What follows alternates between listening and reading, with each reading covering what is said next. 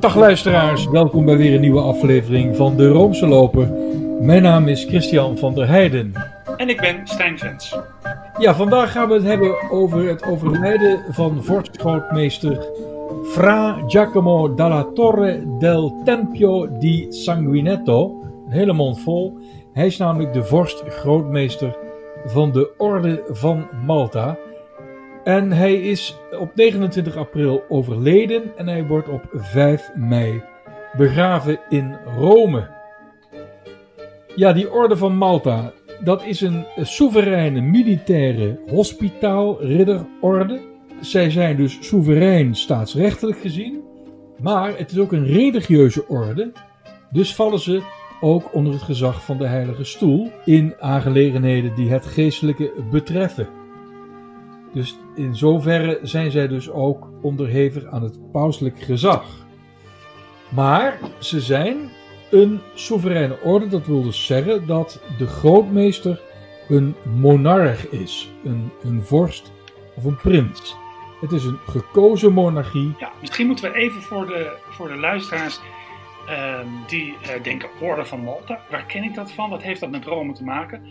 Ja, misschien, uh, luisteraar, kent u wel dat beroemde sleutelgat in Rome. Hè? Dat is op de Aventijn, daar kijk je door een sleutelgat, zie je een prachtig laantje met daar als, als schitterend hoogtepunt daarachter de koepel van Sint-Pieter. Nou, die deur maakt deel uit van een van de twee palazzi die de Orde van Malta in Rome heet. De Villa Magistrale is dat. En ze hebben nog een schitterend pand. Uh, midden in Rome, in de Via Condotti, hè, die, prachtige winkelstraat die naar de Piazza di Spagna leidt. En dat is, de, dat is het Palazzo Magistrale. Nou, daar kunt u meteen, en misschien als u wel eens langs de Tiber gewandeld heeft in Rome, heeft u die, die prachtige vlag van de uh, Maltese ridders, hè, dat rood met dat, met dat Maltese, witte Maltese kruis erin, uh, zien wapperen. Nou, dat even ter geving van enige context. Dus de Palazzo Magistrale, het magistraalpaleis, dat slaat natuurlijk op de magister, hè, dus de grootmeester. En de grootmeester is dus het hoofd van deze ridderorde en die is dus overleden. En op dit moment wordt het hoofdbestuur geleid door een zogeheten luitenant, grootmeester of een plaatsbekledend grootmeester. En dat is een Portugees met een enorm moeilijke naam. Rui Gonzalo do Valle Peceto de Villas Boas. Nou, het is ongelooflijk, Christian. Ja, nee, ik spreek het nog in Spaans uit. Maar laten we maar gewoon Villas Boas noemen. Ja.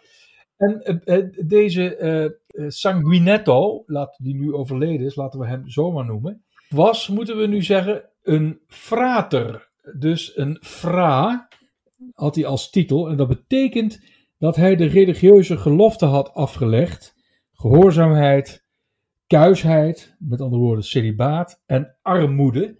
En de hoogste echelons van de ridderorde worden dus gevormd door de zogeheten ridders van gerechtigheid, de Knights of Justice in het Engels, samen met de uh, geprofeste conventuele kapelaans, zoals dat heet. En zij zijn dus celibataire en ook de huidige interim grootmeester, die uh, Vilas Boas, is dus zo'n celibatair. Dat is hij geworden nadat in 2008 zijn vrouw was overleden. Ja, dan ben je vrij. En toen kon hij de hoogste gelofte afleggen. En dus ook toetreden tot deze, tot deze selecte mannenclub. Want het is nog alleen maar toegankelijk voor mannen. Christian, kijk, kijk jij, het, zijn een soort, het zijn religieuze ridders. Hè? Dus ze hebben die, ook, die, die, die drie religieuze geloften afgelegd. Maar als ik nu kijk naar het onroerend goed, althans in Rome, van uh, de, de ridders van Malta, dan vraag ik me af, ja, waar, waar is die armoede dan? En adel en armoede gaan toch eigenlijk niet samen? Nee, maar weet jij wat een, uh, een Franciscaner uh, klooster oplevert? Ja, een, dat is ook een projectontwikkelaar. Die armoede is dus alleen bestemd voor de hoogste regionen. Dat wil niet zeggen dat dat ze allemaal arm zijn, want je hebt ook ridders die heel rijk zijn, maar die, eh, die zijn al van een graad lager.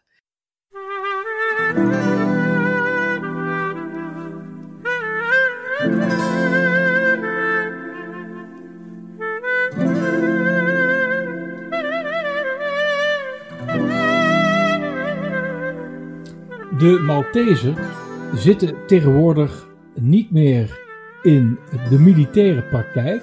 Zij zijn niet meer militair actief, heten nog wel militaire orde.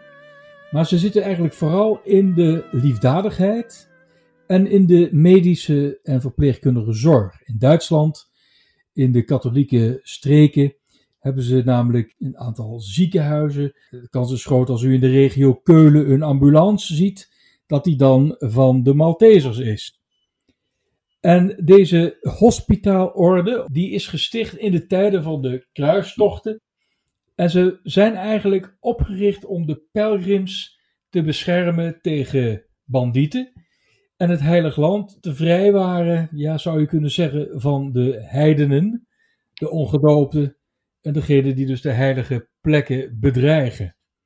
Dus daar is zo wat afgeknokt in die, in die middeleeuwen. Dat doen ze niet meer, maar ze hebben nog wel trouw beloofd om de zwakken te helpen. Dat is eigenlijk hun core business. Ja, nou ja wat, wel, wat ook wel aardig is, want hoe komen ze natuurlijk aan die naam Ridders van Malta? Ze zijn op een gegeven moment, uh, zijn ze toch dat, uh, dat heilig land ja, uitge, uitgegooid eigenlijk, hè? Toen, de, ja, toen de moslims dat daar hebben overgenomen. Eh, dan heb je het over eind 12e eh, eeuw. En, nou, toen hebben ze nog een tijdje uitgehouden. Zijn uiteindelijk uitgeweken naar Cyprus. Uh, hebben zich vervolgens in het begin van de 14e eeuw gehergroepeerd op Rodos. Nou ja, ook daar hebben ze het weer moeten afleggen. En, uh, een paar eeuwen later tegen de Ottomanen. Zijn verdreven van Rodos. En toen is het uh, keizer Karel V geweest die hen Malta heeft geschonken. En zijn, daar zijn ze uiteindelijk terechtgekomen. En daar, zo komen ze aan hun is toch wel even aardig om even te vermelden. Maar ook toen werden ze weer bestookt door de Ottomanen. En in 1565 hebben zij zich verdedigd tegen de aanvallen van Sultan Suleiman I. En dat werd echt een, eh, een massale slagpartij. Maar uiteindelijk eh, hielden 600 ridders dapper stand. En de gedemoraliseerde Ottomanen die trokken zich terug. En toen brak een, eigenlijk een hele lange periode van stabiliteit aan. Maar daar kwam een einde aan toen in 1798 Napoleon Bonaparte, die als generaal van de Franse revolutionaire strijdkrachten onderweg naar Egypte, hè, want hij had een belangrijke expeditie naar Egypte, eh, Malta veroverde. Toen was het eigenlijk klaar met, uh, met hun uh, Malteser avontuur. Toch hebben ze die naam altijd uh, trouwens, in 1813 is Malta toen bij het Britse Rijk ingelijfd. En wat er toen gebeurde is eigenlijk merkwaardig. De hoofdzetel van de orde die is toen naar Sint-Petersburg verplaatst. En het, het onwaarschijnlijke geval had zich dus voorgedaan dat de niet-katholieke tsaar Paulus I zich over de Maltesers had ontfermd. En er werd een Russisch-orthodox grootprioriaat van de orde opgericht. En de tsaar die heeft zich toen zelf opgeworpen als grootmeester. En de hospitaalridders van Malta waren zo dankbaar dat, uh, dat tsaar Paul hun de bescherming had verleend, dat ze in hun statuten hebben laten opnemen dat al de nakomelingen van deze tsaar zonder enige belemmering lid van de Malteser orde kunnen worden. Dus dat wil zeggen dat koningin Wilhelmina, hè, dat is eh, immers ook een nakomeling van Tsaar Paulus, maar ook prins Hendrik, eh, koningin Beatrix natuurlijk, lid waren van de Malteser orde. Dus protestanten lid van een katholieke orde. En prins Bernhard niet? Ja, prins Bernhard die was op merkwaardige wijze ook lid geworden. Ik heb dat dus uitgezocht. Maar uh, hij is volgens mij geen nakomeling van het Tsaar Paul. Maar toch heeft hij op een of andere manier het lidmaatschap uh, verkregen. Dat is eigenlijk wel typisch iets voor Prins Bernhard, uh, die natuurlijk uh, dol was op uniformen. En, die, en, en ja, er zijn ook wat foto's bekend van Bernhard in het uniform van ehm, de Malteser ridders, de katholieken. Hè? Hij had natuurlijk ook een, een uniform van de Johanniters. Hij had heel veel verschillende soorten uniformen. Overigens heb ik ooit een um, ridder gekend. Dat was René Wittert van Hoogland, kolonel Vlieger. Uh, die had in, in Indië ook gevochten tegen de Japanners als, als vlieger. En die heeft begin jaren 40 Prins Bernhard ook geleerd om een, een, een bommenwerper te besturen te, te, vliegen. Hij was ook instructeur. Het kan zijn dat hij dus via, Prins Bernhard via deze ridder René Wittert van Hoogland het lidmaatschap had verkregen. Wie zal het zeggen? Dat weet ik dus niet. Die ridderorde van Malta wordt steeds interessanter. Als je eenmaal bij Prins Bernhard bent aangeland, dan weet je dat het echt iets betekent.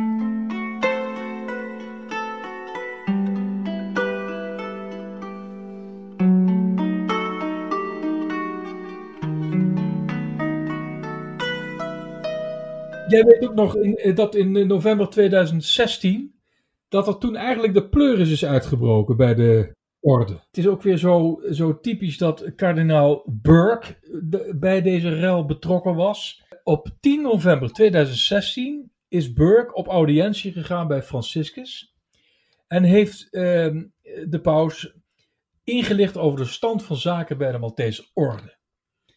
En op 1 december 2016 is Burke, die overigens officieel de functie had gekregen van kardinaal patroon bij de Maltesers, ehm, een, een brief gestuurd aan de paus met daarin wat er eigenlijk allemaal niet klopte bij de orde. En vijf dagen later uh, vraagt de grootmeester in het bijzijn van kardinaal Burke aan de grootkanselier om vrijwillig zijn positie ter beschikking te stellen. En deze grootkanselier was de Duitse edelman Albrecht von Boeselager. Geen lid van, de, van het hoogste echelon, omdat hij gehuwd is. En alleen uh, ongehuwden uh, behoren tot uh, de, de groep van de ridders van gerechtigheid.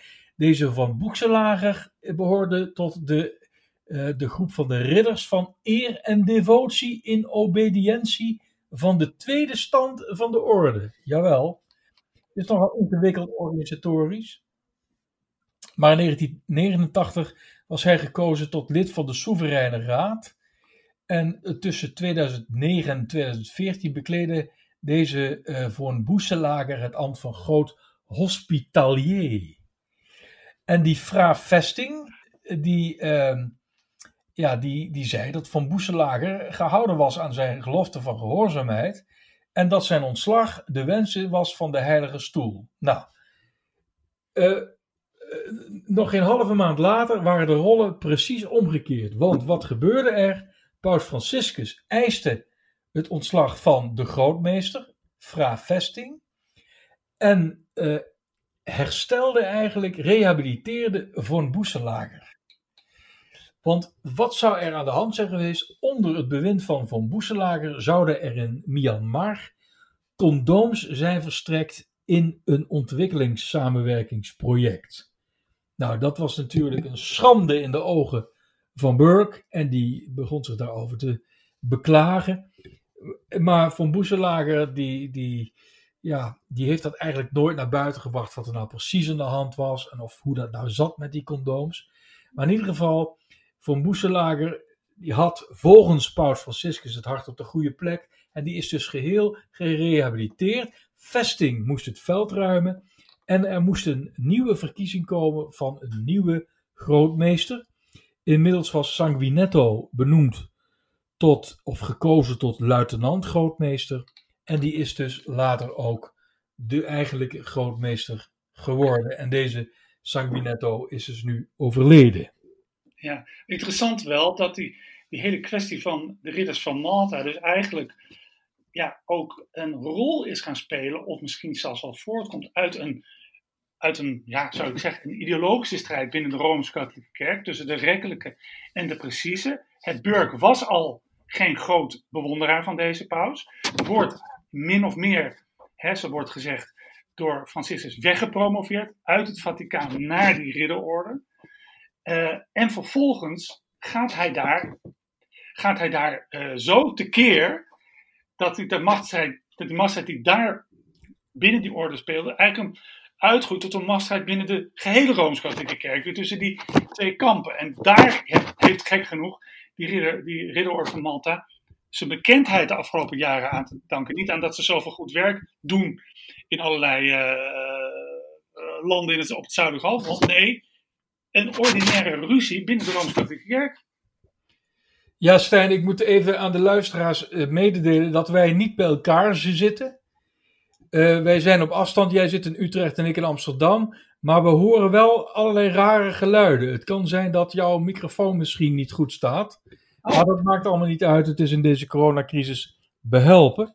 Nou, hij staat rechts voor mijn, recht voor mijn neus. Oké, prima. Die uh, Sanguinetto, die behoorde tot een, uh, ja, tot een, uh, een zeer oud adellijk geslacht. Dat waren graven uit Treviso. En later zijn ze gaan behoren tot de zogeheten zwarte adel van Rome. Prachtig. De zwarte adel, dat is dan de adel die, die trouw had gezworen aan de paus. Hè? Ook na 1870. En je had dan een, een, andere groep edellieden en die hadden dan trouw gezworen aan de koning van het huis van Savoye. En wat zo interessant is, is dat het, uh, het, het, familiewapen van de Savoyes, Savoia, lijkt enorm op dat van de Malteser ridders. En het is heel gek, want namelijk alle ambassades bij de Heilige Stoel, die hebben aan hun deur zowel het wapen van, uh, van het eigen land dat ze vertegenwoordigen hangen, dat van de Heilige Stoel, maar ook een ander wapen met een kroon daarboven. En je zou zeggen: hé, hey, dat is nog van het Koninkrijk Italië, dat tot 1946 heeft bestaan. Niets is minder waar. Die kroon duidt op de monarchie van de Maltese ridderorde, want de grootmeester is een monarch, een vorst. Weliswaar een gekozen vorst, maar toch een vorst. Dus heel veel ambassades die in Rome, die uh, bij de Heilige Stoel hun ambassadeur hebben zitten, zijn tegelijkertijd ook gelieerd aan de, de Maltese ridderorde. Ja. Misschien goed om te zeggen dat er ook een Nederlandse afdeling is van de ridderorde van Malta. Die is gevestigd in Utrecht aan de Nieuwe Gracht. U ziet die vlag daar ook hangen. En wel interessant is in dat hele conflict wat zich binnen die ridderorde heeft afgespeeld, tussen, zal zeggen, de, de strikte lijn en de wat meer verlichte uh, richting, hè, onder leiding van die van Boeselaren, heeft de Nederlandse tak duidelijk partij gekozen voor die uh, van Boeselaren. En, uh, en, en uiteindelijk is dus, uiteindelijk heeft die, die, die, die hè, die Sanguinetto, die dus nu is overleden, heeft eigenlijk in, in in opdracht van de paus uh, rust gebracht in die orde. Maar ook gezegd, je moet, het, moet, het moet anders. Hè? Hè, de, de, de orde moet zich inderdaad richten op verdediging van het katholiek geloof en dienst aan de armen. Maar het, de, de moet, die orde moet hervormd worden. De vraag is nu, hoe ver is uh, die Sanguinetto daarmee gekomen? Hij heeft wel eens interviews gegeven dat hij zegt dat dat allemaal nog niet zo gemakkelijk ging. Hij vond bijvoorbeeld dat die, dat die hele opleiding van die, uh, geprofeste ridders anders moest. Uh, uh, hij, wilde, hij wilde echt een ander, ander bewind. Uh, ook typisch, toen hij voor het eerst op audiëntie ging bij paus Franciscus, had hij niet dat schitterende rode uniform aan, maar gewoon een pak. Dus hij is daarmee begonnen, hij is natuurlijk niet zo lang daar geweest, hè? een jaar of drie. Dus de grote vraag is nu, wat gaat er nu gebeuren? Hè? Er moet een, een, natuurlijk een nieuwe grootmeester worden gekozen. Dat, zal maar zeggen, een conclave, om maar even die term te gebruiken. Maar ja, we leven met, in tijden van corona. Dus al die, al die, eh, de vraag is of die soevereine raad wel bij elkaar kan komen in Rome. Er moet natuurlijk wel een nieuwe grootmeester komen. Ik heb natuurlijk wel het idee dat eh, die Portugese Fra, Frate, die er nu zit, dat die het wel gaat worden. Uh, maar die Sanguinetto, dat, dat was trouwens een, een hele heilige man, heb ik me laten vertellen die ook uh, erop stond om, uh, om geregeld zelf aan de armen uh, voedselpakketten uit te delen en zelf bij de zieken te zijn. het zou me niet verbazen als niet lang hierna zijn zaligverklaringsproces zal worden geopend. Ja, er was in, januari kanker bij hem geconstateerd. Natuurlijk chemotherapie gekregen en toen leek, de kankergezwellen even weg te zijn. Maar uh, toen kwam er toch weer iets terug. En uh, de onmiddellijke doodsoorzaak zou een darmocclusie zijn geweest. Nou, dat is niet zo'n fijne dood.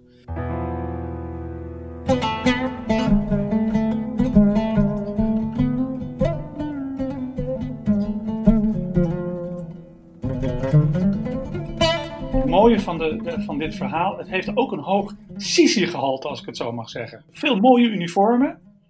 En, eh, en een beetje hoofdstadoperetten, vind ik ook wel een beetje. En tegelijkertijd gaat het om, ja, ze hebben een budget van 1 miljard, hè? 1 miljard euro per jaar. Ongelooflijk. En ze doen ontzettend veel goed werk, niet alleen op medisch gebied, maar ook op het gebied van ontwikkelingssamenwerking. Dus het gaat wel ergens over. Eh, dus het is niet zomaar een of andere operettenvereniging die dol zijn op eh, uniformen. Het is een oud eerbiedwaardig gezelschap van eh, verschillende soorten mensen, religieuze, maar ook echte adel. En, en ik weet niet hoeveel vrijwilligers ze hebben, maar het is, het is een gemeenschap die ergens voor staat. Waar zij dan voor staan, dat is eh, gevat in eh, twee Latijnse eh, frasen. Ik zal het even noemen: de tuitio fidei en de obsequium pauperum. Dus het gaat bij hen over de actieve beleving van het christelijk geloof en het bevorderen daarvan. En de zorg voor de armen en hulpbehoevenden in de samenleving, waar ook ter wereld. Nou ja, vroeg hoeveel vrijwilligers ze hebben. Nou, ik heb begrepen dat ze 80.000 vrijwilligers hebben. En eh 42.000 man slash vrouw aan medisch personeel. Ja, Dat is nogal wat. zeker ja. Nou, eh, jij wordt geen lid, denk ik, hè? Nou ja, ik ben geen afstammeling van eh Tsaar Paulus I. Voor zover ik weet ook niet. Maar nou, wij kunnen tegenwoordig, eh, ook als we, eh, als we de- in ieder geval vrije jongens zouden zijn, zouden wij lid kunnen worden van eh, zelfs de hoogste echelons, omdat je sinds, nou, niet meer zo heel lang geleden, niet meer van adel hoeft te zijn. En ik denk dat dat ge- gekomen is onder Ja. druk van Amerikanen. Want ja, in Amerika heb je natuurlijk geen adel. En die, en die, en die jongens die willen natuurlijk ook lid worden van, eh, van, van, van, van een echte club. Die, die dateert van de middeleeuwen. geld. Wat zei je? Amerikanen, Amerikaanse katholieken hebben veel geld. Je hebt in, eh, eh, in Amerika wel de Knights of Columbus. Ja, nou, en die hebben dus geloof ik, het hele Vaticaan eh, opgeknapt. Tenminste, het geld, van de Knights of Columbus is het, volgens mij de kolonnade op het Sint-Pietersplein en misschien de, de façade van de basiliek ook opgeknapt. Dat zijn, eh, ja, dat zijn mensen met een enorm budget.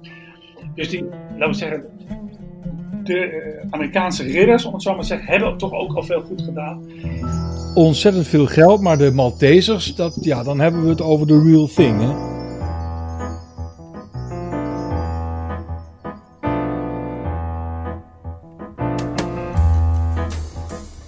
Dit was het weer, beste luisteraars. Wij wensen u een mooie bevrijdingsdag toe en blijf gezond. Of als u ziek bent, heel veel sterkte. Tot een volgende keer. Hopelijk dat Stijn en ik dan weer samen in onze kleine studio zitten op de redactie van Trouw. Want wederom was het qua geluid niet al te best. Excuses daarvoor. Maar ja, er is nu eenmaal een crisis gaande.